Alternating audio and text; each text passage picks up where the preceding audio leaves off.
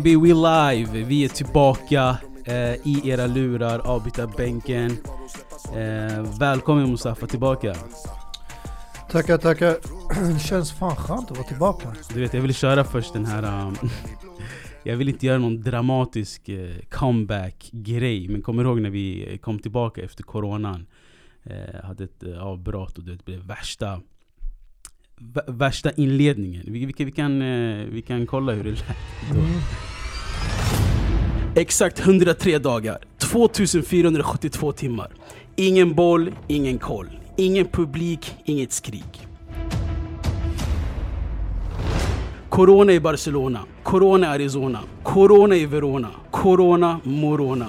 Men en sak är säkert. Bollen är nu i rullning. Bänken är nu värmd och mickarna är anslutna. Jag får äntligen säga de här två meningarna. Varmt välkomna till ett nytt avsnitt av Avbytarbänken. Vi snackar boll där vi någorlunda har koll. Så lät det när vi hade den här coronapausen. Jag vill inte göra något dramatiskt nu. Vi bara ease in, smooth tillbaka. Varmt välkomna till avbytarbänken. Vi snackar boll där vi någorlunda har koll. Det är 11 augusti 2021, onsdag. Känns härligt att vara tillbaka. Det har skett en hel del eh, sen vi var borta. Det har varit eh, ett helt EM. Eh, Mercaton har hänt jättemycket. Jag vill bara börja där först. Eh, hur var din EM-upplevelse det här året? Jag ska inte ljuga, det, det här var nog en av de mästerskapen, alltså bland EM och VM som jag inte var 100% uppdaterad. Hur det sig? jag, jag kollade inte alltid varje match, så man var upptagen med andra saker. Du vet, nu under corona så har man varit hemma, varit instängd ganska mycket och som alla vet efter eh, juni så släppte de lite grann på restriktionerna Mm. och sen juli släppte de helt och hållet så det gav en möjlighet att gå ut och eh, Men leva alltså- lite livet som man gjorde förut, Men, komma men, ut. men hur kommer det sig att du inte följde EM så slaviskt eh, om, om, om liksom, du var hemma en hel del? Eller mycket? Alltså jag älskar fotboll, missförstå mig inte. Mm. Men det var inte alltid man hade möjligheten att se fotbollsmatcherna ute i solen, i värmen. Och den, eh, den prioriterar jag över liksom att sitta inomhus. Mm. Förut hade vi alltid eh, ställen man kunde gå till, speciellt när Sverige deltog i EM eller VM så kunde man gå ut och kolla matcherna ute under somrarna. Men nu fanns det vissa ställen men det var ganska begränsat. Mm. Du var ju själv med en gång du vet när man kommer dit och eh, det är inte alltid man har möjlighet att komma två, tre timmar innan matchen för att eh, liksom ta de bästa platserna. Men Mm. ja. Men jag, jag såg de viktigaste, allra viktigaste matcherna, de toppmatcherna som jag faktiskt också såg, fra, såg fram emot. Topplagen som jag bru, brukar följa och eh, vissa lag som jag också gillar.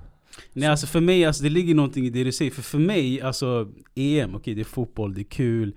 Eh, men för mig är det mer en folkfest, mer en gemensam grej där mamma, pappa, du vet, mormor, släkten kollar tillsammans. För mig, it's not real football, yeah? It's not, it's not you know. Det, det, inte, det är inte fotboll, fotboll. Det är, Det mer än en, ett event. En, hel, en, en månad där folk samlar och följer det här tillsammans. Exakt. Förstår du vad jag menar? Inte för att downgrade EM eller VM, det är skitkul. Det är kul att se du vet, de här storspelarna äntligen spela tillsammans. Typ såhär Pogba och Kanté, Bruno Fernandes och Ronaldo. Förstår du? Sånt där är ju kul. Luke Shaw, Harry Kane. Men det är sällan man sitter ensam i soffan och kollar en VM eller Alltså EM-match. det, det, det är inte den här, eh, vad ska jag säga, spänningen och, och någonting man, man ser fram emot på så sätt. Det är skitkul att följa Sverige, det är skitkul att följa landslagen, absolut. Klubblaget, man kan bara sitta inlåst, helt Ja. ensam, Exakt. en regnig dag, bara kolla matchen. För man associerar, man associerar ju EM och VM till alltså, gemenskap, man ska se det Mm. tillsammans och hela den grejen. Det är sant. Så eh, för mig absolut skitkul. Eh, det var ett bra EM för mig tycker jag också. Eh, samtidigt spelades också ju um, Copa America. Mm. Eh, och eh, OS tog nyligen slut också. Det har varit en hel del fotboll under sommaren. Eh, så eh, man kunde hålla sig uppdaterad på det sättet också på något sätt. Men, eh, nog om det. Eh, vi sa ju, eh, vad heter det? Eh, Sydamerika, Copa America. Eh, Argentina tog hem den. Och en viss Messi fick ju eh, sitt äntligen internationella Titel. titel. Första. Precis. Mm. Eh, och nu har han den i bagaget. Och, man kan och sen nu, nu, nu är det liksom slut på snacket att, att han inte har vunnit något med eh, Argentina och hela den grejen. Men Messi, eh, kul att vi är tillbaka nu. Och vilken eh, timing också när hela den här grejen har skett. Eh, bara på en vecka liksom. För förra veckan så var det aha, men Messi ska stanna, Messi är kvar i Barcelona och hela den grejen. Sen boom bam bao. Eh, igår presenteras han i, för PSG. Ja, men jag tror... Kom det som en chock för dig? Alltså nej, faktiskt inte. Jag, jag vet att många kanske räknade med att han skulle stanna efter de bytte president, Laporte kom in och allt det där. Men jag personligen kände bara att om man har hamnat i en disput med klubben, Mm. som han gjorde förra sommaren och blev tvingad att stanna kvar. Jag Mm. kände bara att han kommer lämna oavsett vad. För att det, den ekonomiska situationen kunde inte förändras över ett år. Mm. Det här kommer ta flera år att återuppbygga det här laget. Så det han alltid pratade om att det var massa hål som man försökte bara täcka igen. Och det är de här problemen som aldrig var alltså, åtgärdade. Det var bara kortsiktiga lösningar. Mm. Men eh, de säger att det var på grund av La Liga. Och jag tror helt ärligt, om Barca hade velat så hade de kunnat gått med på La Ligas villkor. Och kunnat behållit Messi. Eh, och det hade ju någonting också med tidigare avtalet eh, om, gällande Super League. Mm. Mm. Som man ville förbjuda helt och hållet framöver. Men eh, ja, jag, jag, jag räknade ändå med att det skulle hända. Och även om det kom som en chock så kände jag efter förra året att det här borde vara liksom Ja, ja, alltså jag... sista utvägen. Men att det, allting hände på en vecka, det kom lite som en alltså, chock för att jag tänkte ändå att han kanske skulle se över sina valmöjligheter. Jag hade hoppats på att se Messi i England eller Italien. Mm. Eh, Nej, för jag lyssnade på, eh, tillbaka på några avsnitt för att eh, hitta eh, några grejer. Eh, Så kom jag ihåg, alltså vi kan bara lyssna på vad jag trodde skulle hända med Messi eh, nästa år. Ligan som Ah, by the way, du, du säger det är hans sista säsong. Ja, ja, Mm. definitivt. Definitivt. Definitivt. Hans sista säsong så han kommer tagga. Om, en sista fråga, var- varför hypens skull alltså. Vi- Vilka är de tre största, alltså, tre alltså, största sannolikhet destination nästa år för Messi? Tre. Mm, Topp tre. City. PSG. I så fall på en, på en trea PSG. Men tvåan skulle jag säga... Säg inte Inter, herregud. Det kommer inte bli av. Jo, jo, jo, jag skulle fan säga Inter Okej, två. City snabbt, snabbt bara. City, snabbt, snabbt, Inter snabbt och- Eh, som ni hör, jag var säker på att han definitivt skulle lämna eh, och att det var hans sista år. Eh, dock trodde jag inte att han skulle gå till PSG, jag trodde City. Eh, och Mm. jag ville verkligen att han skulle gå... Alltså så här, jag ska inte vara helt pity, jag ska inte vara så här. Eh, alltså förstå, jag ska inte vara salty, men jag tycker han går från en semi-farmers League till en komplett farmers League. Förstår du vad jag menar? Mm. Alltså istället för att gå till en liga där du kan tävla och möta storspelare dag in och dag ut Så hamnar du i franska ligan, där du ska promenera in ligan Ja men det här är ju väl mer som att bara liksom eh, ta en semester och koppla av nu de sista åren av hans karriär. Om inte han sen fortsätter i USA eller Kina. Eh, det vet man ju aldrig men mm, Alltså i förhand hade jag sagt att eh, det är chockerande att han väljer PSG och franska ligan före City och engelska ligan. Men nu efterhand när man får se vilket eh, transferfönster PSG har gjort så blir jag inte alls förvånad. alltså du har ju sett spelarna som har rullat in de senaste veckorna, eller Mm. månaderna för den delen. Alltså Mm. Donnarumma, Sergio Ramos, Wijnaldum, Hakimi. Alltså det var bara mm.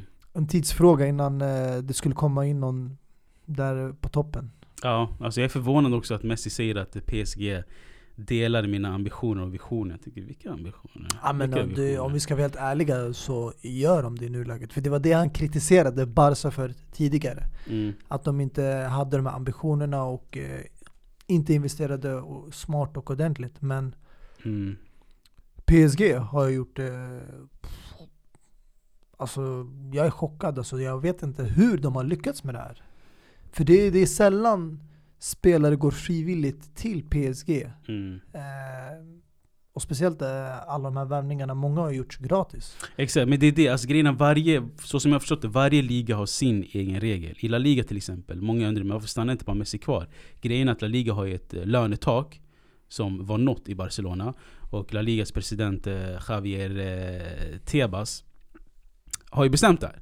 Och det går ju inte liksom. Och sen kritiseras många spelare i Barcelona varför, varför de inte gick in mer på en eh, alltså lönesänkning. Eh, Vi såg att Umtiti blev eh, utbuad senaste matchen mot Juventus. Han gick in direkt i omklädningsrummet, vägrade komma ut när de firade pokalen, hela den grejen. Eh, Men enligt Messi han själv så var han villig att gå ner upp till 50%. mm. Men det krävs ju att andra spelare också ska gå in Jo ner jag i vet lön det, också. men jag tror inte det var det som var 100% avgörande. Jag tror det där var en faktor, men jag tror den andra faktorn var det här med avtalet med Super League. Att de har förväntningarna att någon gång i framtiden kommer det här komma på tal igen. Och då vill de att Barcelona ska neka och vända sig ryggen. Mm. Och istället eh, fortsätta samarbetet med La Liga och resterande lagen. Mm. Mittenlagen, bottenlagen. För skapar man Super League då lämnar ju man alla andra bakom sig. Mm. Ja. Och de vill ju ha den inkomstkällan. Ja, jag förstår vad du menar. Men för mig, eh, alltså kom igen nu. Messi, alltså, gre- grejen är Messi kommer möta nu i ligan, in, ut. Clement. Eh, Strasbourg, Troyes, eh, Lorient, Brest. Alltså förstår du vad jag menar? Det här är lag som Messi kommer ställas mot varje vecka. Hur kul är det? För, alltså, jag, jag ser det som fotbollsfans utifrån. Sen även alltså Messi-fans, alltså jag, jag fattar inte riktigt hur... Alltså för mig när du går till Ligue Ö, det är som, det är som att du går till MLS på något sätt. Ja, Jag skulle inte dra ner det till den nivån, men jag förstår din poäng. Mm. Men eh, jag tror inte heller det är många klubbar som har möjlighet att erbjuda den lönen som PSG har. Och jag tror det är också därför han valde den klubben. För han tänkte om jag ändå ska gå vidare från Barcelona-karriären, då kan han lika gärna kamma hem en eh, ordentlig lön de här Mm. sista åren i karriären. Det kanske blir ändå en avslutning i Europa och inte i USA eller Kina.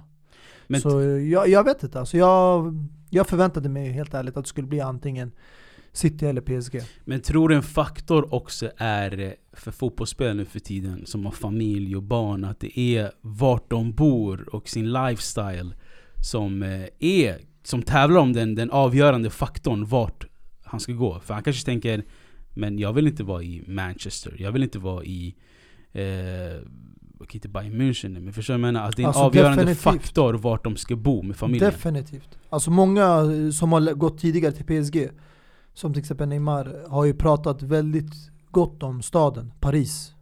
Och alla vet ju, alla människor känner till Paris. Vare sig du är fotbollfans eller inte, förstår du? Du känner till alltihopa, Champs-Élysées, Eiffeltornet, allt det där. Det är, det är en fin stad.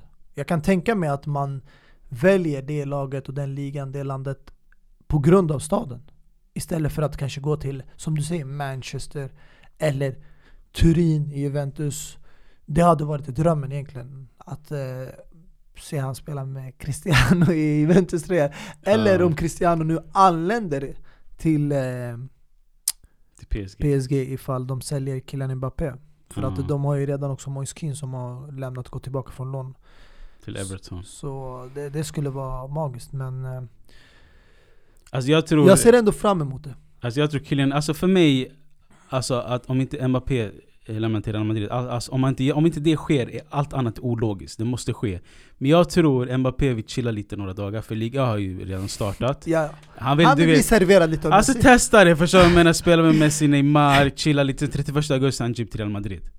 Eh, så jag vill bara, jag vill, jag vill bara kolla med grabbarna lite hur det ser ut, Mbappé tror jag. Han ska Eh, stanna lite. Ja exakt, förstår du? Få lite bollar om Messi. Eh, Den här trion kommer vara otrolig de här, några, de här dagarna vi kommer få se nu. Ah, Men jag tror Mbappé, Speak kommer tagga till eh, Real Madrid. Mm, ja, det är, ja, antingen det är det här året eller så kommer det bli nästa år. Jag Mm. tror som sagt, i hans ålder, Han har redan eh, haft tillräckligt mycket erfarenhet av Frankrike. I både Monaco och PSG. Så jag tror han är mer eller mindre klar där. Mm. Men eh, oavsett om det är Messi, Cristiano, Neymar. Alltså det är som du säger, PSG. Att folk går dit, det kommer inte göra ligan attraktiv. Vi kommer inte sitta och kolla Clermont, Strasbourg, eh, Lille. Alltså Lille är ju bra lag Mm. men ja. Brest, jag kan ge Rennes, andra namn. ja. Angers, Angers, alla här. Det, kommer, det enda som har skett under de här senaste åren är att PSG blir en mer och mer attraktiv lag i Champions League. Det är där Mm. vi njuter av underhållningen Mm. och det är där vi kommer ofta se dem. Inte i franska ligan. Så Ja. det, det är väl där vi kommer eh, ha koll på Messi. Och, Ja, för jag såg en sjuk siffra. Du vet eh, Pedri i Mm. Barca. ja, antalet matcher och minuter. Ja, alltså vet du vad jag komma fram till? Eller vad menar du? Nej men jag vet att eh, han fick ju som sagt spela mycket i Barca på grund av omständigheterna förut och sen chockerande nog han tog också startplats i landslaget, Exakt, EM han spelade och alla sen blev han matcher. uttagen till OS. OS. Det jag ville säga, han spelade 70 plus, 72 ungefär matcher. Mm. 71-72 matcher den här säsongen bara. Mm. Och Neymar har spelat 70 matcher för PSG. Allt som allt. Menar allt som allt. I ligan. Ja i ligan tänker du? Ja, Jag tror det måste vara ligan. Sen han kom dit. Ja. Så exakt. Så jag menar bara, det där säger också en viss grej. Alltså att stjärn, storspelare i PSG är inte 38 matchspelare. Det här är spelare som vaktas till september. När Champions League-lottningen kommer, när de ska spela Champions League. Sen however, Messi är ingen eh, Neymar. Sen... Eh, Messi ska spela alla matcher, det vet vi Mm. också. Messi kommer spela cupmatchen också. Messi vill spela alla matcher Sen också. däremellan, mellan gruppspelet och eh, alltså, slutspel så tar man lite vacation och går och firar Ja. syrrans födelsedag. Exakt. Och så kommer man tillbaka till åttondel, kvarten. Precis, fejkar en skada eller tar en utvisning, hela den grejen. Vi kan, vi kan eh, Neymar eh, by now. Så det, så alltså absolut. Och det, det, det sjuka är att ingen eh, svensk tv-kanal har ju rättigheter till ligan. Mm. Eh, så jag vet inte vad som kommer. Men det kommer, vad, vad, vad säger man? En huggsexa om den eh, rättigheterna, franska rättigheterna. Eh, får se hur det blir. Det sjuka är att eh, Champions League spelas nu på C More TV4. Fan vad sjukt. Idag, du vet, Uefa Supercupen. Mm. ska sändas på TV4. Alltså, Härligt. Då kan eh, ja, alla få njuta av att se Europas bästa lag. Ja, På Villarreal. storskärmen. Villarreal. Ja, det var så fan alltså. jag, jag hade hoppats på att United skulle vinna, men fan alltså. Det, det går inte va? Man kan inte bara få allt som man vill. Straffar, har inte, straffar har inte mm, varit i Englands fördel någon gång. Eh, men vad tänkte jag på? Jo, eh, vad, alltså, vad tror du nu, eh, om vi ska avsluta eh, Messi-kapitlet bara nu här i det här första avsnittet. Vi, vi har all anledning att komma tillbaka till Messi under hela säsongen. Men jag menar, vad, vad tror du Messis framtid är då? Alltså vad... Eh, är, han här för att stanna? Han skriver på till 2023, men vad är liksom eh, målet för Messi nu? Så det är ju väl kortsiktiga mål. Jag tror han är där för att bara, som sagt, eh, njuta av fotbollen. Och det Mm. han älskar att göra och eh, han är medveten om att i det här laget med de här spelarna han har runt omkring sig så kommer han ha det väldigt bra. För att eh, de, de har ju investerat i ett långsiktigt projekt. Och även om vissa av värvningar som har kommit ut in nu senare tid som eh, Sergio Ramos, Wijnaldum och Messi som är alla vid 30-årsåldern och över är inte kanske det lång- mest långsiktiga men det är för att de har insett att eh, de behöver sätta en starkare grund om de ska kunna åstadkomma någonting stort i Europa. Och det är Mm. det som har varit liksom eh, kanske en, deras svaghet tidigare. Så jag tror det här kommer eh, vara väldigt bra för dem. Eh, men framöver, jag tror de hoppas på liksom, det är väl Champions League. Det är det alla jag tror riktar sig in på. Ingen går dit för att som du säger satsa på att vinna ligan. För det där är mer eller mindre klart om man säger så redan. Mm. Det är 90% sann, alltså 90% chans att de vinner ligan redan från starten. De vann inte förra säsongen. Nej, de vann inte förra, men om man kollar tio senaste åren, det är Monaco som har vunnit en, Lille har vunnit en Mm. och PSG har vunnit resten. Mm. Förstår du? Så jag säger 90% sannolikhet att de kommer komma dit och vinna den. Men deras ambitioner är Champions League. Och vi alla vet liksom Neymar, det är det han har gått dit för att vinna. Mm. Messi, det var det Han ville vinna de sista åren med Barca men inte lyckades. Och Sergio Ramos, den titeln han associeras mest med när han var i Real Madrid var i Champions League. Mm. Inte ligan. Så alla de här är ju ute efter samma sak. Mm. Och sen har du spelare som Wijnaldum som redan har erfarenhet av att vinna Champions League och ligan i England. Så det här är bra spelare, det är skickliga spelare. Mm. Det sjuka är du vet varje gång PSG har förlorat titel mot andra lag Först var det ju Montpellier När, Mm. när Giroud var, visade upp sig och de vann Exakt. titeln Och säsongen efter värvade de Ibrahimovic och Verratti Mm. Det var då projektet sattes igång Precis, ordentligt. Innan var det exakt. bara lite så här Menez, ah, Pastore. Exakt, det var lite man touchade på När Ibra kom så öppnade upp hela, hela, hela PSG för, för Mm. Europa Och sen vann ju Monaco Och då kom, då, året efter kom ju Neymar Mm, jag tror Monaco vann ju efter Zlatan lämnade. Direkt året, alltså när Zlatan hade lämnat, då vann Monaco. Ja exakt, Mm. och sen kom ju Neymar säsongen efter Mm. Och sen nu vann ju Lille Och nu förstärker de med Messi Så eh, Nyhet till, alltså själva vad ska man säga Budskapet är låt inte PSG förlora. För så fort de förlorar så förstärker de med en till spelare hela tiden. Ja. Ehm, Men vad tänkte jag på? Jo, jag, jag, jag tror inte heller det är en... Eh, alltså jag tror Messi tar det dag för dag. År för år, månad för månad. Vi är i Frankrike nu, vi är i PSG, låt, låt oss se vad som händer. Sen får vi se liksom att om man, om man återvänder till Argentina eller om man... Eller tror du den är möjligt att kanske återvända till Barcelona eller är det kapitlet eh, avslutat helt? ja, mycket möjligt fast då i en annan roll. Mm. Inom styrelsen, eh, kanske en högre roll eller kanske inom tränarsektionen om eh, Xavi gör en comeback.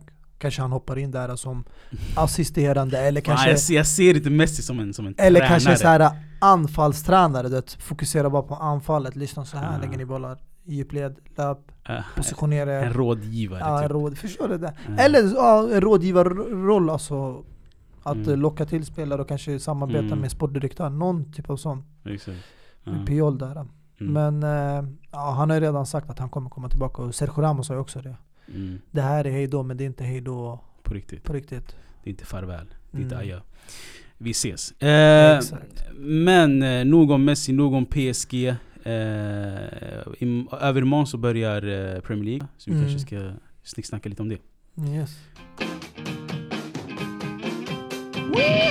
Om ni liksom scrollar tillbaka till avsnitt 86 den 11 september 2020 så satte vi våra prediction på hur förra säsongen skulle avslutas. Så vi kan bara lyssna på hur vi trodde det skulle sluta. England och... Eller ska vi börja bara först med England? Vi Kör kör England. England där. Kör England. Eh, Jag säger etta. Alltså jag kommer ju gå för det. Jag kommer säga Chelsea. Oh, I like that, I like jag that. kommer like that. köra på det. that, I respect Ja, that. jag, jag Ja. vill inte lägga förväntningar på oss men jag kommer köra på Såklart, det. du ska. Det är så två miljarder bro. You två. Två... Mm, eh, Alltså för mig det är mellan City och Liverpool, men jag sätter City 2, Liverpool 3. Fyran, den är svår. eh, Men eh, om United inte värvar mer så kommer jag lägga in Arsenal Oj. på fjärde platsen. Eh, För att jag tycker inte United heller har förstärkt från förra året, men jag tycker Arsenal har gjort en del förbättringar på truppen. Men Tottenham och även Everton, även om de har varit bra, jag ser inte de har en chans. Inte på topp fyra. Tror på Europaplats. Eh, Jag tror på femte, sjätte platsen där för de där resterande lagen. Så jag tror det är Arsenal om inte United kommer med en chockvärmning innan oktober. Jag säger faktiskt etta. Alltså jag vill gå Chelsea men jag tycker defensivt de är för dåliga. Så jag säger Liverpool etta. Jag säger tvåa. Du sa nyss att de inte. Nej, men det här säger, kommer vi, bita vi, dem i läste, vi arslet. läste ju att Thiago kanske går dit.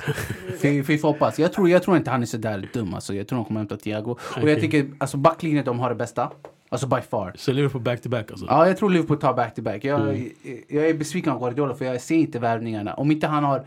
eh, Alltså du, du är mycket såhär Phil Foden och de här. Du tror ju de här kommer bli wow. Jag är lite mer skeptisk. Är det? Ja, jag tycker det är- Phil Foden är redan Nej men nu det, alltså, det, vi behöver inte världsklass. prata bror. Vi låter Ah. bara handlingar tala för sig. Ja, exakt, exakt. Helt rätt. Så jag säger Liverpool etta, två Chelsea, tre Man City, eh, fyra... Ska du... Jag måste, jag måste gå United. Jag tror City etta. Ja. Det gör så ont att säga det. Eh, tvåa Liverpool, trea Chelsea, fyra United. Okej, då, då får du svara. Alltså du nämnde samma topp fyra. Alltså jag är ju för att man alltid ska sätta sitt lag man hejar på som etta. Mm. Det är jag alltid för. Vilket du gjorde. Ja, Vilket- det... Alltså... Ja, jag förstår helt vad det... Alltså jag Ja. förstår vad du menar, även om inte man ser som sitt lag det bästa i landet eller Europa. Men Ah. man eh, tror ju på dem. Exakt. Men eh, Chelsea etta hade du, två City, eh, tre Liverpool och fyra Arsenal. Du Nej, skulle, du alltså skulle ha dubblat fjärden Alltså jag hade ju platsen. Arsenal förutsatt att eh, United inte skulle komma med sina värvningar men eh, de eh, plockade in några spelare där. Mm. Och erfarna spelare. Cavani, Alex Telles. Mm. Eh, det kom in lite spelare här och där som gjorde laget mer kompakt. Henderson kom tillbaka från lån, gav dem alternativ i buren där. Så jag nu, alltså efterhand så skulle jag ha gett United en större chans än Arsenal och Tottenham. Men ja, jag räknade inte med eh, att eh, City skulle kanske komma igen. Eh, Men eh, Liverpool, jag tror det där var en chock för allihopa. Mm. Men sen är det ju saker och ting som inte man kan förutse som Van Dijk-skadan. Eh, som gjorde att han var borta hela säsongen. Och eh, nu när man kollar idag, vi alla vet vad skador kan göra med en spelare. Vi har sett vad som hänt med eh, Neymar förut, vi har sett vad som hänt med Pogba, vi har sett vad som hänt med Eden Hazard nu. Mm. Så är Van Dijk samma spelare? Det är ett stort frågetecken för mig. Efter, efter en sån här liksom stor Mm. skada så kommer man inte tillbaka. Alltså man är alltid lite smårädd. Man är rädd för att gå in Mm. 100% i tacklingar. Man är rädd för att gå in i närkamp. Alltså säsongen har ju inte ens hunnit börja och jag såg bara ett litet klipp från eh, försäsongen och han har redan åkt på en ankle break. Så det ser inte ljust eh, inför eh, ja, det kommande året, eh, den här säsongen. Men vi får se, det kanske som sagt tar tid att komma tillbaka. Mm. Nej, som ni hörde i alla fall satte jag City som etta. Vilket de kom ut som etta också. Mm. Dock satte jag inte United som två, men skitsamma. Eh, och Ayman trodde att Liverpool skulle göra en back-to-back och ifrågasatte min etta på City. Och Men det var många som... eh, Trodde att Liverpool skulle, ja. innan Jordan Pickford bara avslutade Van Dijks och Liverpools drömmar. Eh, men det har ju skett en hel del eh, den här säsongen. Eh, och många har ju värvat och de har fyllt på liksom lagret av spelare. Mm. Eh, bland annat ska vi börja med eh, regerande mästarna City till exempel. Som fick sin eh, 100 mille gubbe. Premier Leagues dyraste värvning någonsin. Jack Grealish. Eh, är han eh, liksom, eh, vad ska jag Värd säga? 100 miljoner? Definitivt inte. Han är en väldigt bra spelare. Har stor potential och kan bli mycket bättre. Alltså vi fick se det i Premier League, Aston Villa. Han eh, fick även chansen att visa sig i landslaget i EM men det här är en prislapp som klubbar pressar andra lag på när de spelar i samma liga. Mm. Alltså hade man sålt en sån spelare utanför England då kostar de inte sådär mycket. Men när du säljer alltså, i den inhemska ligan, som till exempel när Napoli sålde Higuain till Juventus. Du kan kräva väldigt mycket pengar för att delvis kommer han spela mot dig igen. Ja. Det är den anledningen. Och sen också har det med eh, potentialen, han är ung, talang, eh, eftertraktad av väldigt många klubbar. Men eh, jag känner inte att det är värt att lägga den summan. Egentligen inte på någon spelare, men det är så marknaden ser ut idag. Mm. Så Men de har förlorat eh, Sergio Kun Agüero också till Barcelona. Eh, det var ju förväntat, men eh, vi, trodde, vi trodde ju alla att en annan spelare skulle fylla nummer 10-rollen. eh, Harry Kane. Nej, Lionel Messi trodde vi alla. Ah, ja, ja, jo. Alltså för jag, jag kommer ihåg klart och tydligt att Guardiola gick även ut och sa, han bara Jag vill inte och jag hoppas inte Messi lämnar Barcelona. Han hör hemma i den där, skull, ja, för ja. Skull. Och jag, För han hör Guardiola- hemma i den klubben. Det där är hans yani, hem. Guardiola är också en, eh, Och ett. Barca-fan i slutändan. Men han sa om Messi någonsin lämnar, Mm. jag kommer vara där. om han någonsin blir tvungen eller det händer att han lämnar på något sätt.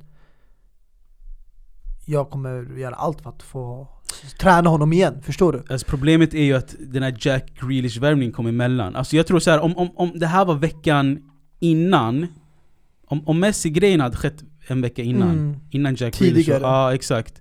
Så tror jag nog det hade sett annorlunda ut. Men det där är Kanske. problemet just med klubbar som City och PSG, det är den här girigheten. Att de inte har det här tålamodet att vänta. Mm. Och ja, nu har de fått Jack Grealish istället. Rent alltså framtidsmässigt så är ju Jack Grealish ett bättre alternativ. För att han är mycket yngre. Men Mm. Messi hade du fått gratis. Ja. Och jag hade alla dagar i veckan tagit Messi i tre år istället för Grealish i tio år. Precis. Men grejen är för mig är, är liksom Jack Grealish en... ehm, alltså vi har inte sett så mycket av honom på så sätt. Aston Villa, Mm. är det ett lag som alltid är i Premier League? Nej. Eh, han är väldigt ung också. Eh, gjorde sin A-lagsdebut för Aston Villa 2012. Har- Alltså förstår du vad jag menar? Hur ofta har de spelat i Premier League, Aston Villa? Hur ofta har de varit där? Hur ofta har han, eh, har han spelat någonsin i Europa och hela den grejen? Så 100 mil för Jack Grealish är lite uh. Mm. Ehm, however, jag tror eh, att eh, de behöver en uh, rejäl nia. Eh, Harry Kane trodde jag länge på, men jag vet inte vad som har hänt med den uh, nyheten Han nu. är ju registrerad i truppen för att eh, möta eh, City i helgen. Mm. Det är ju första Premier League-matchen mellan Mm. då Tottenham och City. City, precis. Så, men de har ju fortfarande fram till slutet av månaden. Exakt. Märk, alltså fönstret stänger ju 31 augusti för samtliga Mm. i Europa också, vilket är skönt också. Eh, men han vägrade komma på två träningar eh, för Tottenham. Mm. Vägrade spela. Eh, så jag vet inte hur läget ser ut där för Harry Kane. Mm. För jag trodde det var klappat och klart redan innan sommaren. Okej, Harry Kane kommer spela i City nästa år. Agüero kommer lämna. Det, här är, alltså, det är perfekt. Men det där är Men- någonting jag inte heller eh, alltså, kan få ihop det. Att nu med de här restriktionerna, Corona och eh, hur ekonomin har drabbats hos de flesta klubbar och sen har du samtidigt Financial Fair Plays reglerna som man måste följa i Europa. Mm. Hur kan de lyckas med det här? För att när man kollar på vad som går ut från klubben, vilka spelare som lämnar. Alltså den enda är ju Ser- Sergio Kun Agüero som har lämnat och han gick ju gratis. Sen förstår jag att den lönen blir ju ledig då. Att eh, man kan fylla en annan spelare med eh, den positionen och eh, han kan ersätta hans lön. Men transfersummorna, det, det är någonting som jag inte riktigt kan få grepp om. För att eh, jag ser inte City göra några stora försäljningar. Mm. De bara köper och köper. Så hur de ska få till Harry Kane-värvningen, det vet jag inte alltså, om det är möjligt egentligen. Rent ekonomiskt enligt Financial Fair Play. Ja.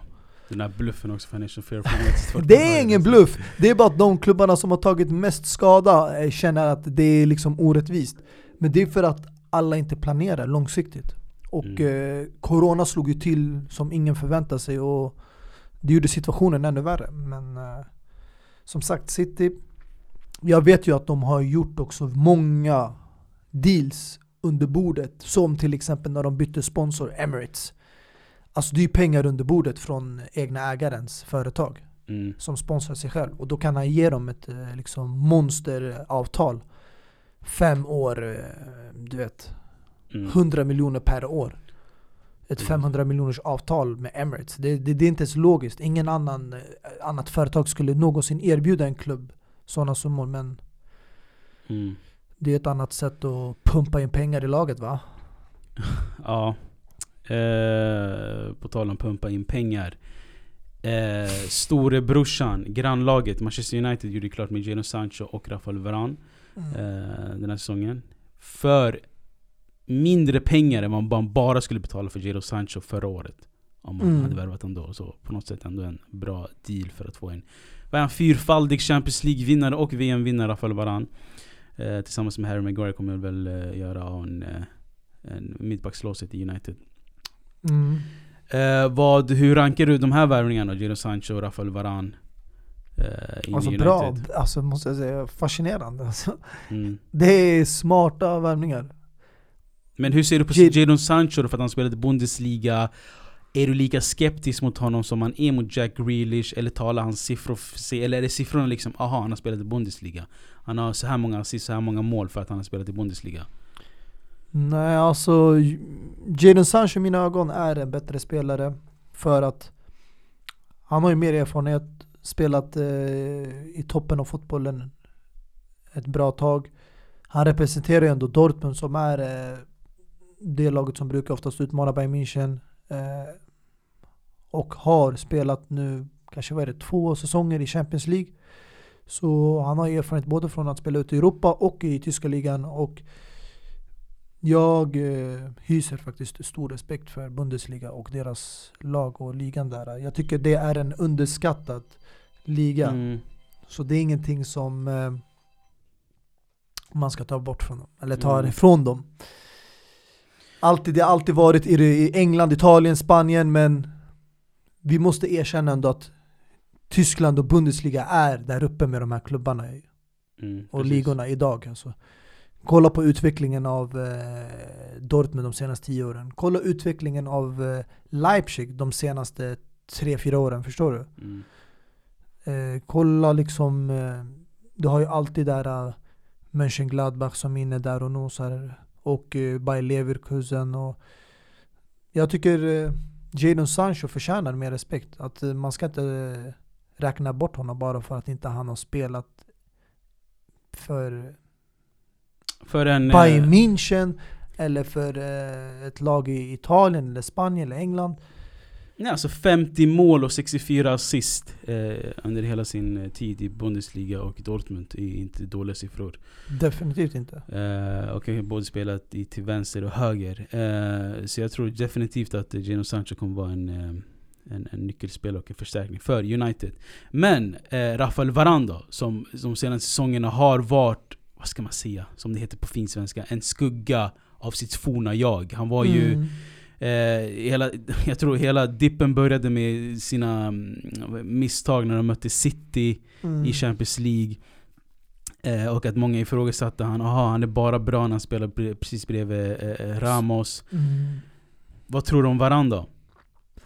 Alltså, jag kan inte bortse från eh, de här misstagen han har gjort och så. Men generellt, han är en av världens bästa mittbackar. Han hade vunnit VM med Frankrikes landslag. Bara för att han har haft några enstaka matcher som har varit väldigt dåliga för hans standard. Så jag tycker ändå att det är en jättebra värvning av United. Och enligt mig, om jag ska jämföra med hela Uniteds backlinje, alla fyra, så är Varane den bästa av dem alla. Jag hade tagit Varane före alla andra spelare i den där backlinjen. Men sen är det som sagt, det är ett nytt lag, det är en ny liga, England Premier League, det kommer bli ett nytt test för honom. Och eh, som du säger, det är upp till bevis nu att han ska visa att han kan spela med någon annan än Sergio Ramos som ett mittbackspar. Jag, jag tror han och Harry Maguire kommer komple- komplettera varandra skitbra. Varane är den snabba, Maguire är den fysiska, eh, du vet, i luftrummet och... eh, Jag håller med dig, jag tror det också, men jag tycker det är lite synd att just på grund av de här storvärvningarna Varane kommer från ett topplag som Real Madrid, Harry Maguire, Harry Maguire kommer för en summa som 80 miljoner. Att det ska kosta vid Lindelöfs plats. För enligt mig, Lindelöf har varit i United-tröjan sen Maguire kom minst lika bra. Nja, Alltså man ska inte ta ifrån honom det, men bara för att han kom för en mycket mindre summa, han kom från en klubb som Benfica Då prioriterar man inte en sån försvarare och det kommer kosta honom en startplats Och vi Alltså- får se hur länge han blir kvar i United-tröjan Alltså jag tror, alltså om inte Lindelöf var svensk hade vi inte pratat om så här om honom. Om han var från Ukraina eller från... Nej, jag från, utgår ju bara från vad han, hans prestationer Ja, jag, jag, jag fattar, men alltså, om han var från Ukraina eller från Lettland eller något annat land vi inte bryr oss om hade vi sagt fan, alltså Lindelöf kan tagga långt härifrån. Men för att han är svensk så våra hjärtan blir så abo. Lindelöf borde ändå få spela abo, han var ändå bra abo. Men Lindelöf kommer vara tredje valet. Det, det, det bara är så. Om inte på något sätt eh, Solskjaer spelar en trebackslinje där han har liksom Shaw och eh, Wan-Bissaka som wingbacks och sen har han Varann, Maguire. Det där är också freak. Alltså, det där är sjukt. Eller så försök inte komma hit och ta våra taktiker, okej? Det- Trebackslinje, nära. Sätta in de här och bara låta släppa loss wingbacksen där ute på kanterna Det där är vår grej Nej det hade varit sjukt. Men vi ska inte liksom dra igenom hela ligan, så jag vill bara gå igenom de stora lagen. Mm. Eh, Ingenting har ju hänt eh, om vi vänder blickarna mot eh, rivalerna Liverpool och Chelsea. Har det inte skett så mycket där. Nej, exakt. Egentligen ingenting. Men det, det är mycket på gång. Nej. Det är mycket på gång, det är mycket som snackas, många säger att det är mer eller mindre klart men ändå har vi inte fått någonting bekräftat så jag vet inte egentligen vad jag ska tro. Man sa att eh, förra veckan när eh, ryktet som eh, snackades om mycket tidigare blev mer än fakta så sa de att eh, de skulle annonsera det alltså den här veckan. Och nu har det gått tre dagar och vi har inte fått höra någonting. Så det är Mm. någonting som inte stämmer här. Någonting går inte rätt. Och Exakt. jag vet inte om det är den medicinska undersökningen, jag vet inte om det beror på att man behöver också kanske sälja för att Chelsea har själv, själva gått ut och sagt att de måste sälja också om de ska köpa. Det går inte bara att köpa.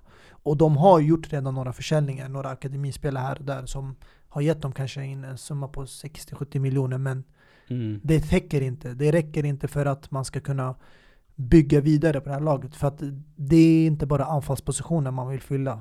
Man Mm. eh, söker efter en mittfältare och möjligtvis en försvarare också. Ja, Big Rom Lukaku tillbaka till Chelsea ryktas de. Och eh, som du säger, alltså, det, det, det var, uppgifter var att det var klart för några dagar sedan men det har inte skett någon announcement än. Vem vet, nästa, innan vi gjort nästa avsnitt så kanske det är helt klart. Eh, men det är en liten eh, ett triangeldrama som det brukar vara i, i England. Den ena ska ersätta den andra och eh, Mm. Eh, nu handlar det väl om Lukaku, Dzeko och eh, Tammy Abraham. Där Tammy Abraham vägrar eh, gå till Roma för att eh, Dzeko ska till Han eh, har inte hela den vägrat, han har ju pratat med Senast jag läste var att han, väg, alltså han vägrar flytta till Italien, att han vill kvar i London och vill gå till Arsenal. Så jag vet inte eh, hur mycket sanning det ligger i det. Eh, men det är vad som sägs i, i, i- i media i alla fall. Men Mm. Lukaku, alltså bara i kort överdrag. Vad tycker du om värvningen om den skulle ske? Jag är inte för värvningen.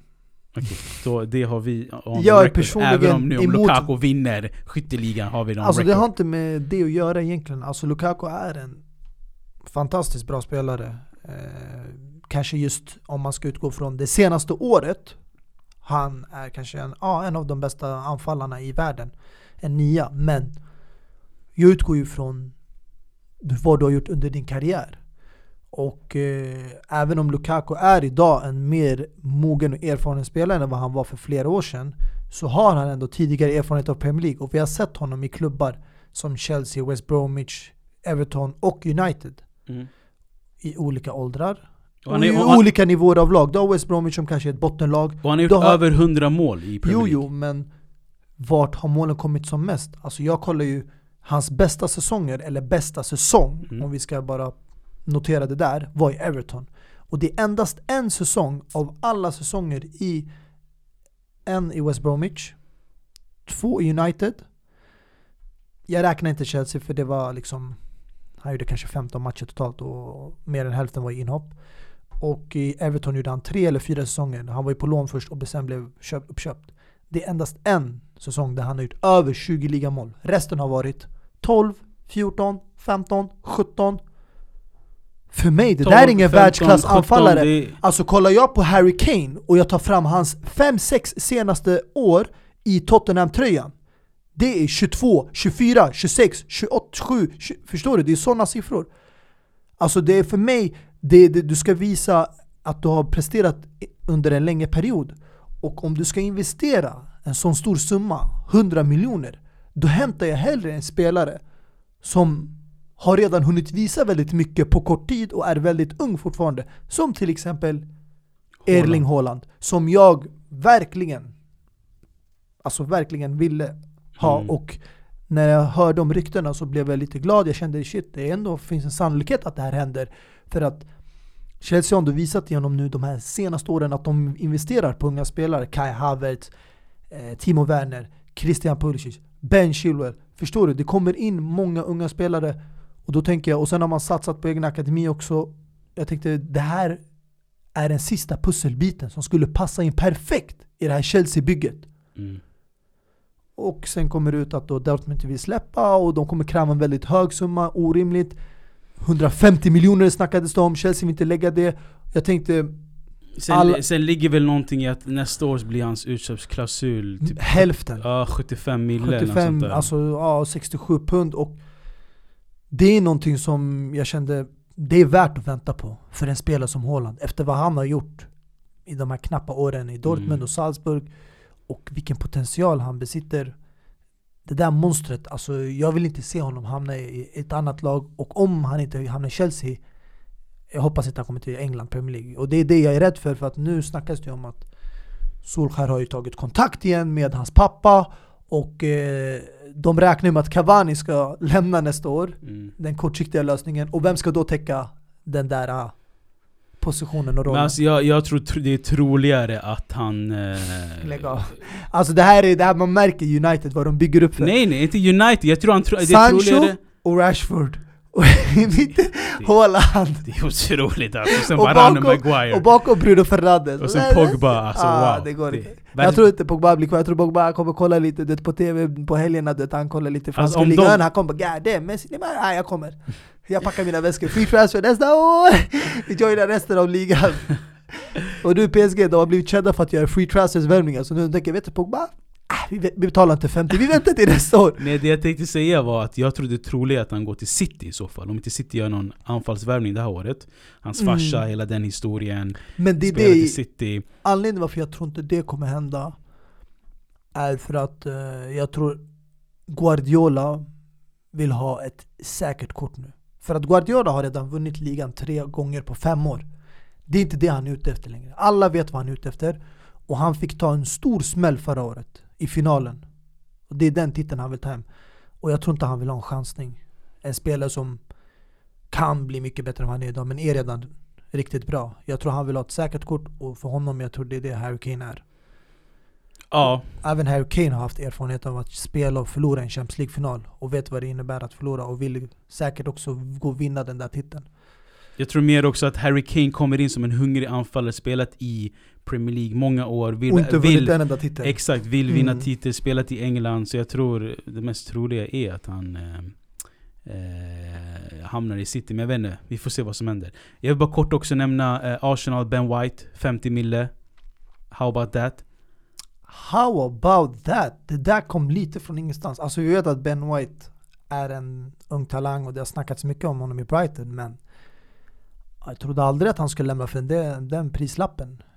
Det är en annan grej när man betalar liksom eh, 50 miljoner för Kevin De Bruyne, Sterling. Mm. Eh, Även John Stones gick ut för 40 miljoner pund från Everton när han var som hetast. Men ja, det där eh, det kändes desperat av Arsenal. Det känns som att just nu de är eh, desperata och de fick inte till det förra året med eh, Partey och Mm. de andra värvningarna. William gick inte som planerat. Eh, jag tror nu det känns som att de är desperata på att ta topp 4-platsen och komma tillbaka till Champions League. Mm. Men jag, jag, jag vet inte vad jag ska säga om den värvningen. Alltså jag har inte höga förhoppningar eller... Jag har jättehöga förhoppningar på Ben White. Jag tror om några år att han kommer bli en alltså Englands Alltså problemet är topp att mittback. han kan inte göra allt ensam. Mm. Frågan kvarstår, vem är hans mittbackspartner? Det är det. För att det, är som du själv sa tidigare, Varane var ju så bra för att han spelade också bredvid en av världens bästa, om inte världens bästa mittback. Mm. Så vem är det, alltså Ben White ska dela en Du, fyrbackslinje? menar, du menar vem ska han, han är ändå så pass ung, vem ska han dela, eller vem ska han ta erfarenhet ifrån? Vem ska han lära sig ifrån? Exakt. Och Eh, David Luiz verkar inte bli kvar. Mm. Förstår du? Så Men jag tror, inte, jag tror inte någon vill lära sig av David Luiz. Exakt, Riktigt. och Saliba, som de köpte också som var ung, har eh, enligt mig blivit orättvist behandlad, fått spela B-laget, eh, reservlaget och sen blivit utlånad första gången och nu andra gången ska han bli utlånad igen. Så det, det där har man inga liksom, eh, förväntningar på honom alls. Det finns inget förtroende från klubben eller tränaren.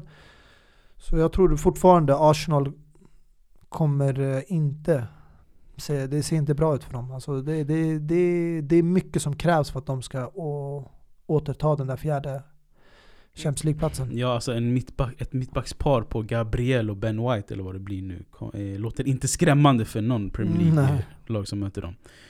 Så jag vet inte, träsket Arsenal fortfarande. Men innan vi går till La Liga ska vi bara snabbt eh, lägga våra predictions för den här säsongen. Utan eh, vidare mo- motivation eller du vet, förklaring. Etta till... Ja, det är ingen fara. Säg etta till sexa då, för det, två kommer ju... Två Europaplatser. Ja. eh, jag måste tyvärr säga det för att eh, vi har Tuchel. Okej, så vad, vad, vad säger eh, du? Ja, det, du vet självklart vem som äter. Det, det är ingen diskussion. Chelsea, number uno. Okej. Dos, City. Tres, United. Och eh, fjärde platsen ligger Liverpool. Quattro heter det på fyra om du om du Quattro, glömde det. Sink, Set. Ah, Okej. Eh, vad sa du? Fy, fyra? eh, Liverpool. Alltså det är min topp fyra. Okej. Det är ju det är ju egentligen samma som förra året, bara att vi byter plats på att eh, Liverpool, eller United går ner till trea, City går ner till tvåa och Chelsea tar ettan. Okej. Liverpool, alltså vi nämnde inte dem nu för att de har inte gjort några värvningar Mm. och de har tappat Wijnaldum, enligt mig eh, en, en av deras bästa mittfältare eh, efter Fabinho. Eh, och Henderson har det snackats om att han börjar förlora sin startplats och Firmino har inte bidragit nu senaste året lika mycket som han gjorde tidigare så jag, jag tror det här alltså, bygget som Klopp har eh, byggt upp som är ett fantastiskt lag håller på att nu fallera om inte han Får bygger vidare dem. på det Mm. och liksom ja, fyller de här äh, dåliga eller ja, Mm. positionerna eller vad man ska säga. Men det är min predictions. Om du vill ha femmas och sexa, absolut, jag kan ge dig den också. Det är ingen fara. Tottenham, Arsenal, Arsenal, Tottenham eller Everton eller vad har vi mer? Nej, jag, eh, alltså det, det mycket sitter egentligen i om Tottenham behåller Harry Kane eller inte. Om de behåller Harry Kane, jag kommer sätta dem på femte plats och Arsenal på sjätte. Annars blir det tvärtom. Intressant. Eh, jag har inte tänkt på det här vidare, så jag kommer bara köra magkänsla. Mm. Uh, etta United. tvåa... Alltså jag tror inte, jag tror inte det är Citys år det här året. Alltså jag tror de kommer semifloppa lite. Jag tror, de kommer, jag, tror, alltså, jag tror United etta, tvåa Chelsea. Jag tror, jag tror det är tillbaka till old, good old days alltså. Etta United, tvåa Chelsea, trea Liverpool och fyra City.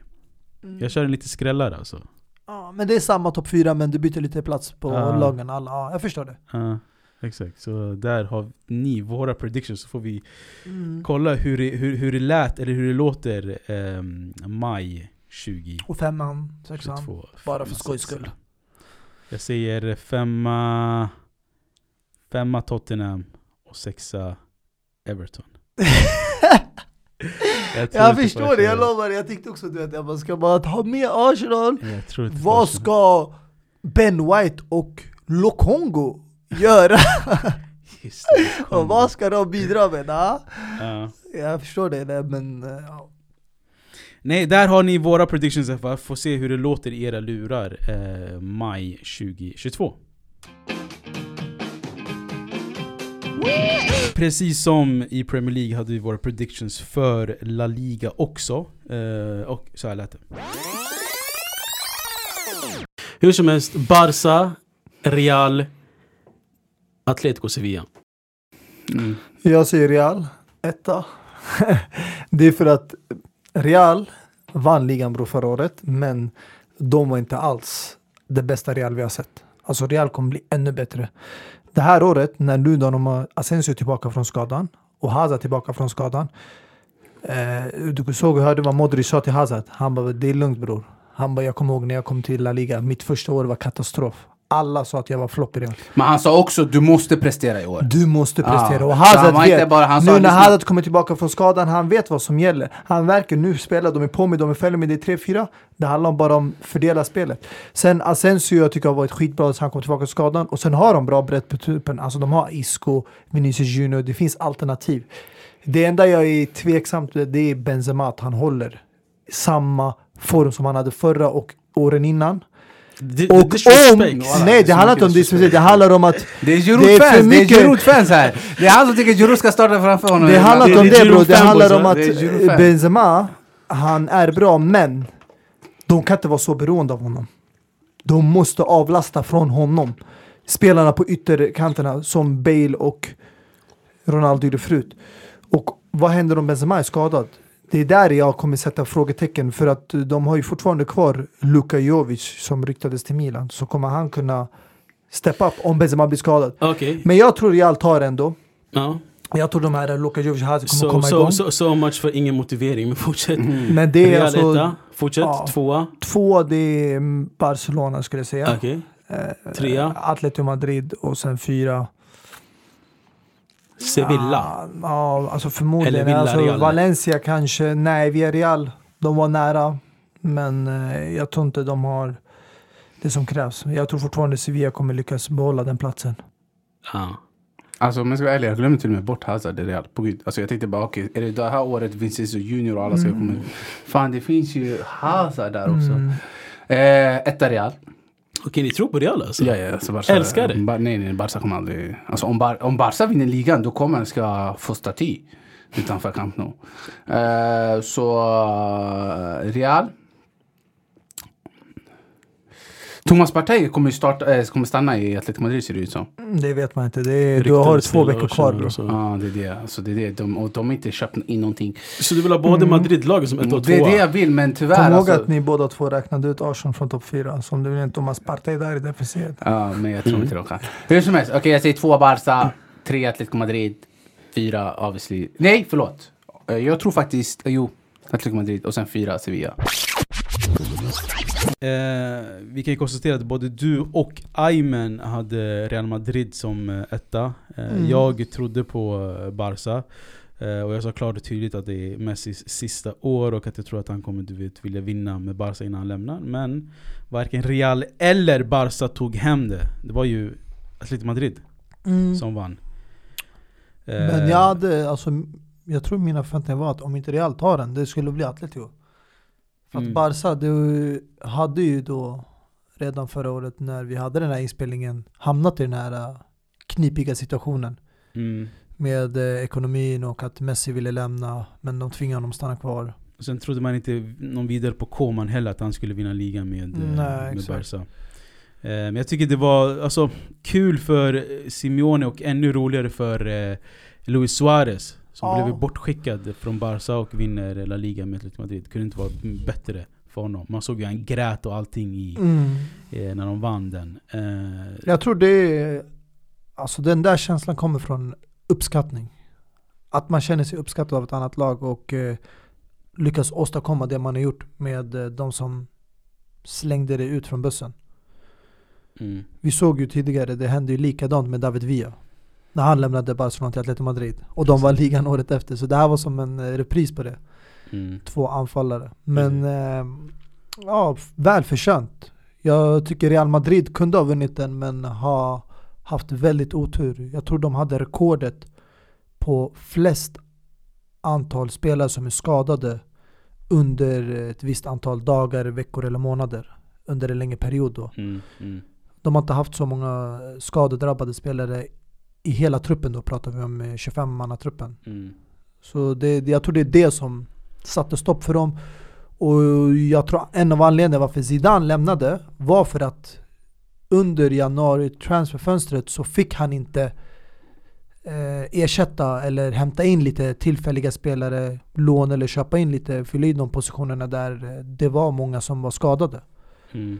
Och det är nog det som kostade dem ligan. Och sen trodde du att det skulle vara Hazards breakthrough-säsong? Ja men eh, skadorna fortsatte. Eh, väldigt synd att se. Alltså, du vet, oavsett om inte han representerar eh, den blåa tröjan längre så vill man alltid se de här spelarna liksom göra bra ifrån sig. Det är ändå underhållning att kolla på spelare som Messi, Neymar, Hazard men ja, det, det är ingenting man kan kontrollera. Det är bara faktum att det blev så. Mm. Och eh, nu är det Ancelotti där. Comebacken som jag är väldigt skeptisk till. Ja. Vi, vi är inne i Real Madrid. Ja, alltså skeptiskt absolut. De har skeppat iväg massa spelare också. Eh, försvaret ser jättetunt ut. De har både Varan och Ramos har lämnat. Va- Vad är de kvar med? Nacho och eh, Eder Militao. Och sen Alaba som har kommit nu som egentligen är en eh, eh, vänsterback. Ah, Spelar som mittback de senaste säsongerna, absolut. Men det är det här de har att laborera med nu. Alaba enligt mig är en bra spelare man har hämtat in för att täcka in den positionen. En väldigt erfaren spelare och har vunnit allt man kan vinna med Bayern München. Så om det är någon som ska komma in och täcka för en av de här mittbackspositionerna som de har lämnat så Alaba. Det perfekta valet egentligen. Men jag är chockad att Ancelotti gjorde den här comebacken när han har precis påbörjat ett nytt projekt i Everton. Mm. Där han också fått in spelare som han vill ha. Han hämtade in eh, James Rodriguez, Alla, Dokore, de här. Och de håller på att bygga någonting fint, bra. Och sen har man också Richarlison, ung framtidsspelare. Jag tänkte, det här är ett projekt som verkar passa honom. Om man kollar de senaste åren, vart har Ancelotti varit? Efter Bayern München har det varit liksom Napoli och nu Everton. Mm. Det har ju blivit lite mindre sådana här klubbar. Så att han tar det här klivet tillbaka till toppen, det, det sätter stor press på honom. Och kom ihåg att nu har han ingen Cristiano Ronaldo som han hade förut. Han Precis. har inte Sergio Ramos där bak. Han har inte de här spelarna längre nu. Och mittfältet, Modric, otrolig spelare men inte samma Modric som för tre år sedan. Så det, det är mycket som kommer behövas redigeras och Mm. många pusselbitar som behöver eh, ersättas. På tal om eh, Ancelotti eh, och att han eh, försökte bygga någonting i Everton. Hörde du vad eh, James Rodriguez sa eller? Ja. Han bara Agüero är ledsen för att Messi lämnade när han kom till, eh, till eh, Barca och sen Jag gjorde samma sak för Ancelotti, men skillnaden han, han fick ju spela med Ancelotti en säsong i alla fall Mm. Och sen nu är han kvar med eh, Rafael Benitez, det är också en, en grej att snacka om egentligen Rafael Benitez till Everton Som har tränat Liverpool innan och hela den grejen Det känns som att så fort Rafael Benitez kommer till ett lag så vill de här storspelarna lämna direkt Vi såg ju när han kom till Real Madrid till exempel och hela den grejen. Ja. Eh, men det är också en intressant, eh, eh, ett, ett intressant äventyr att följa med Rafael Benitez och Everton. Hur, vad, vad han kan göra med det laget. Men hur som helst, Real Madrid Jag vet inte, jag är jätteskeptisk eh, till att det inte finns någon eh, riktig ledare i laget förutom Benzema kanske som Benzema i, i, på sina slutår med Real Madrid. Eh, finns ingen riktig för, eh, eh, liksom ledare i, i försvaret heller. Jag ser inte Alaba som en riktig ledare i, i, i Real? Madrid. Alltså, han är en ledare för landslaget. Men jag tror han hade många det var många ledare i Bayern München att dela den rollen med. Så han var inte aldrig någon ensam ledare. Han var inte heller nummer två eller tre. Det var alltid Neuer, Müller och de Men här om du spelarna. kollar Eh, Om du kollar utifrån backlinjen mm. och där du hade Alfonso Davis, Pavard, Lucas Hernandez, Sule Alaba var ledaren.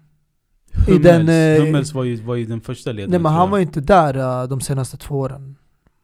Men det spelar ingen roll. Alltså, han kom ju tillbaka där han lämnade. Så det, är- alltså, det, det är inte någon förlorad tid eller någon ny tid han kommit till. Hummels? Ja. Nej men de två senaste åren har jag varit i Dortmund. ja, jag vet. Men han var ju i Bayern München innan. Men jag tänker när de var i Champions League, när Ja. de blev det här monsterlaget som eh, utklassade Barca 8-2. Ja. Alltså ja, de hade ju sina ytterbackar så, men jag tycker mm, Alltså, och Kimmich är också en bra spelare, men den erfarna, den som var ledaren i backlinjen, förutom Neuer i målet då, det är för mig Alaba. Alltså han är inte kanske ledare i omklädningsrummet i Real Madrid, men han har de här egenskaperna och jag tror han kommer kunna ta med sig dem. Och om du... Det måste han. Han och- måste komma med. Alltså han måste bli ledaren i de har nu. Marcello, som förmodligen kommer fortfarande sitta bänken, men Mm. Jag tycker det är en bra spelare att ersätta Varane eller Sergio Ramos med. Om man kollar vad som finns tillgängligt i marknaden. Mm. Precis. Och, nej men eh, Real Madrid, eh, ja, de, eh, det känns som att Alltså efter andra gången gilt att eh, Zidane lämnar Det säger mig en hel del att den här klubben, det är någonting som inte fungerar Mm. på insidan. Mm. Mm. Och det där är ett problem.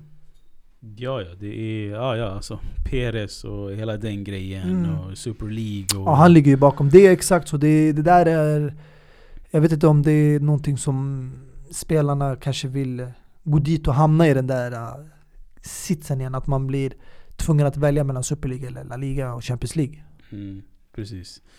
Eh, ja men vi får se, de, de, det stängs ju 31 augusti. Vi har snackat om Kylian Mbappés vara eller icke vara i PSG. Kommer han till Real Madrid eller inte? Eh, så det är mycket kvar att göra för Real Madrid också. Uh, innan fönstret stängs. Ja.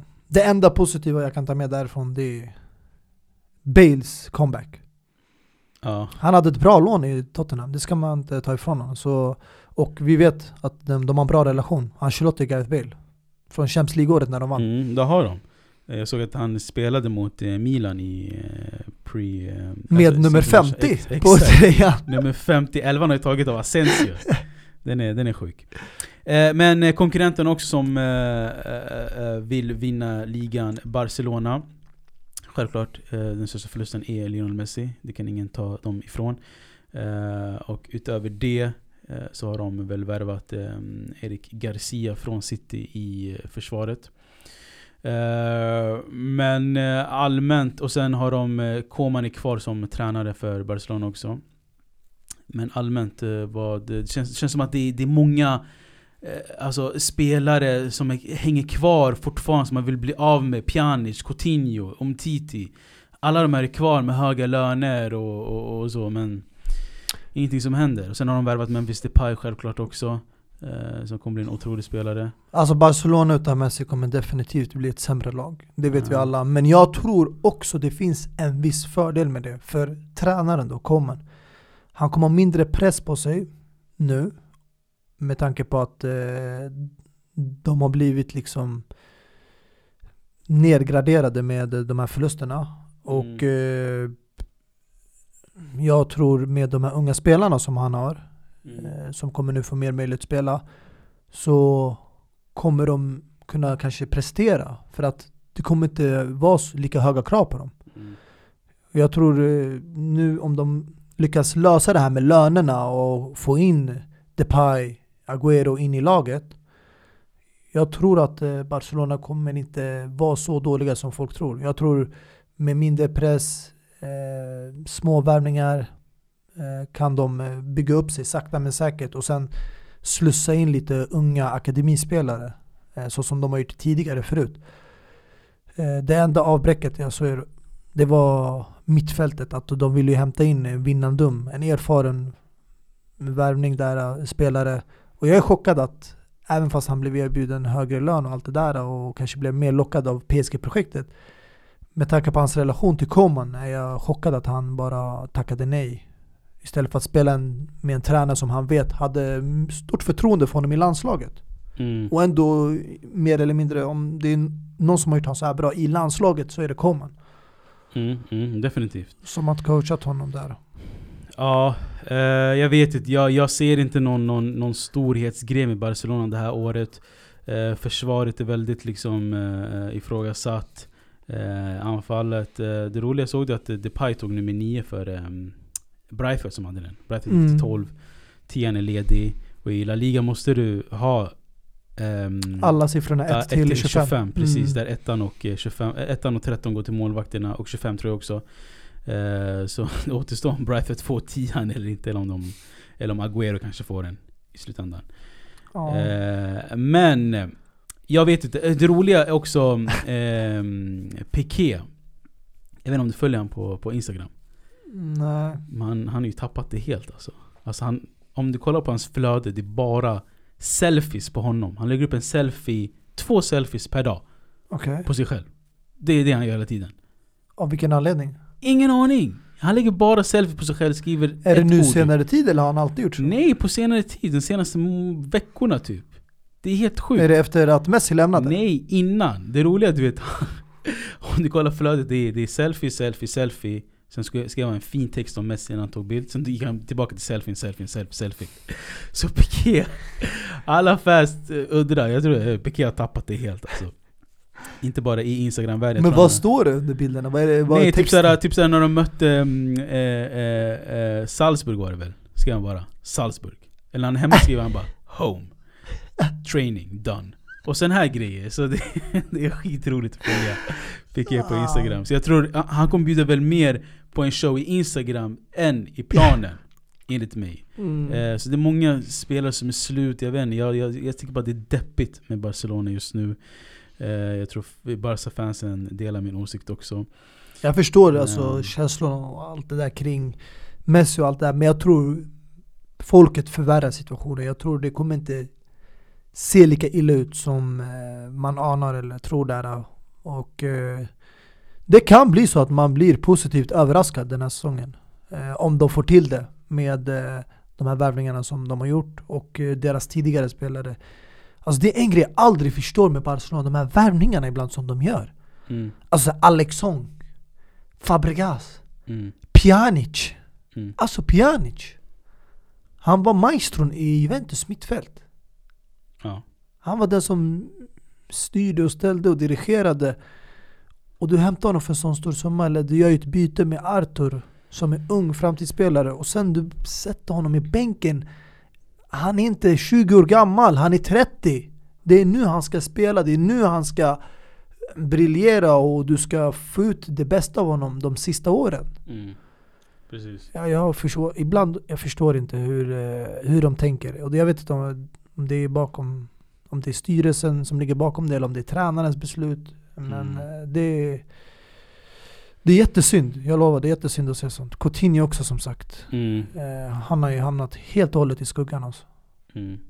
Men jag tror också det här, det är det här året som eh, de unga spelarna kommer, kommer ta större roll. Eh, typ eh, Ricky Puig, eh, Pedri. Sen såg man ju några spelare från deras försäsongsmatcher också som såg lovande ut. Yusuf Demir till exempel, vet inte om du såg honom spela. Jättefin spelare. Eh, från Österrike och turkiska föräldrar. Eh, så Yusuf Demir, jag tror vi kommer få se honom spela lite också. Och sen såg vi eh, Balde tror jag han heter, ytterbacken. Eh, Mm. Som spelar en del också. Så det finns lite eh, eh, glimtar att, att, att se från den här säsongen tror jag. Men, in, men helhet tycker jag det, är- det är deppigt i, i Barcelona. Eh, sist då, regerande mästaren Atletico Madrid. Blir det back-to-back för dem eller? Alltså det här, om, om det är något år ett annat La Liga-lag kan åstadkomma back-to-back, det är det här året. Och det är Atletico Madrid. Ja. Om de behåller de här spelarna de har. Eh, det, det har ju snackats mycket om comeback för Griezmann. Att de ska tappa Jiménez, mittbacken och eh, Saul. Har ju Mm. ryktats mycket till Liverpool. Mm. Jag vet inte hur mycket det kommer påverka laget i helhet, men jag tror det är mycket, mycket möjligt att de gör upp back-to-back. Det är en stor chans med eh, det här laget. Exakt. De har, jag tycker de har ett bra lag och jag tror vissa spelare där som är också fortfarande unga kommer bli ännu bättre det kommande året. Mm. Precis, de förstärkte med eh, Rodrigo de Paul i mittfältet. Eh, de har sagt Suarez fortfarande. Vi får se om Kieran Trip- Trippier lämnar eller inte. Men de har spelare fortfarande kvar. JF Felix tycker jag inte har slagit ut helt och hållet heller. Exakt. För de pengarna han har värvats. Det här kan Eh, bli hans år. Ja, nu verkligen måste det bli hans år. Eh, det här blir, han går väl in i sitt, sitt tredje år, tror jag. Mm. Ja. Mm, det, det är lite förvånande att eh, det inte har gått så bra för att ändå Atletico Madrid har alltid varit det laget där du har mindre ögon på dig. Mm. Lite Precis. mindre press men back to back är det Mm. va? Mm. Kanske en back to back i Champions League också? Nej, Nej det, det där är lite för svårt. Det hade varit eh, möjligt om man exkluderade PSG men nu med dem i bilden Ja. det, är så gott som, eh, det är så gott som game over för resten av lagen. Ja, nästa månad drar det igång. Men innan då, eh, eh, prediction för La Liga då? Ja, jag sätter Atletico där etta. Det är, vi måste tro på den här back to back. It ja. gotta happen this year alltså. En back-to-back och sen kan Diego Simone lägga ifrån sig eh, tränarkoftan och eh, gå vidare och ta på sig en ny tränarkofta i en annan liga. Ett annat lag. Blåsvart kanske? Ah, blåsvart! Redan så tidig förändring! Ja, ah, du tror inte på Simone där. ja. I, Eh, nej men det kan vi ta nästa, eh, nästa chapter. ja, ja, nej men Atletico, mm, två. Två blir tufft men eh, ja, jag tror Real Madrid, eh, sen Barcelona. Fjärdeplatsen kommer jag ge till eh, Villarreal har gjort det bra med Unai Emery, men jag tror mer på Sevilla. Valencia, jag känner inte att de har stabiliteten för att eh, ta den där fjärdeplatsen. Så jag lägger Sevilla där också. Med Mm. mixen på fjärde plats. Och sen femma, sexa blir det förmodligen där Valencia, Villarreal. Det är samma Sociedad. gamla vanliga. Nej, Sociedad, eh, ah, de hade ett bra år. Eh, jag tror inte det kommer bli lika bra nästa år. Men eh, nej, Mm. de, de får leva med det. Det är ändå eh, samma fyra lag vi laborerade med förra året också. Ja. Lite andra platser. Jag brukar tänka också de här lagen som kommer in med nu Europaspel och inte vana Mm. vid eh, spela onsdagar, torsdagar. Precis. Eh, de kommer ha det tuffare, jobbigare. De har inte det lika bra truppmässigt. Så resurserna finns inte där för att eh, prestera. Och delta i tre, fyra olika med, ja, liga, kuppspel, allt det där. Men eh, Atletico, Diego Simone. Back to back alltså. Ja. Eh, jag tror på... Eh, tror på Real. Två Atletico, tre Barca och fyra Sevilla. Ja, Ja. du tror på Real? Ja, Med... Eh, Ancelotti. ja. Och du var ju väldigt kritisk till eh, försvaret. Ja, men jag tror ändå, du vet, i, fotboll är inte logiskt ibland. Jag tror ändå att det på något sätt kommer ske. Att de vinner Mm. eh, ligan. Eh, jag ville säga Barca, men jag tror inte det alltså. Eh, ah, ja, eh, det här var comebacken till avbytarbänken. Det här var våra predictions inför eh, säsongen. Eh, som ni kanske märkte hörde ni inte något av Italien. Italien börjar först nästa helg. Och eh, vi passar på att snacka upp Italien då nästa vecka tillsammans med de första omgångarna i England och Spanien.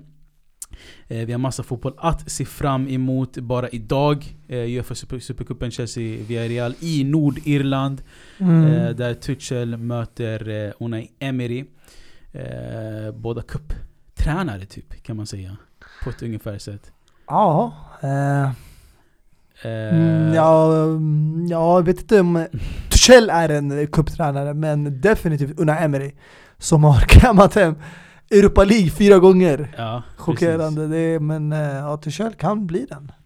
Eh, och sen till fredag börjar ju ligorna smygstarta. Brentford, Arsenal, Valencia, Getafe och Borussia Mönchengladbach och Bayern München. Och sen till helgen har vi City, Tottenham och massa andra eh, eh, godbitar.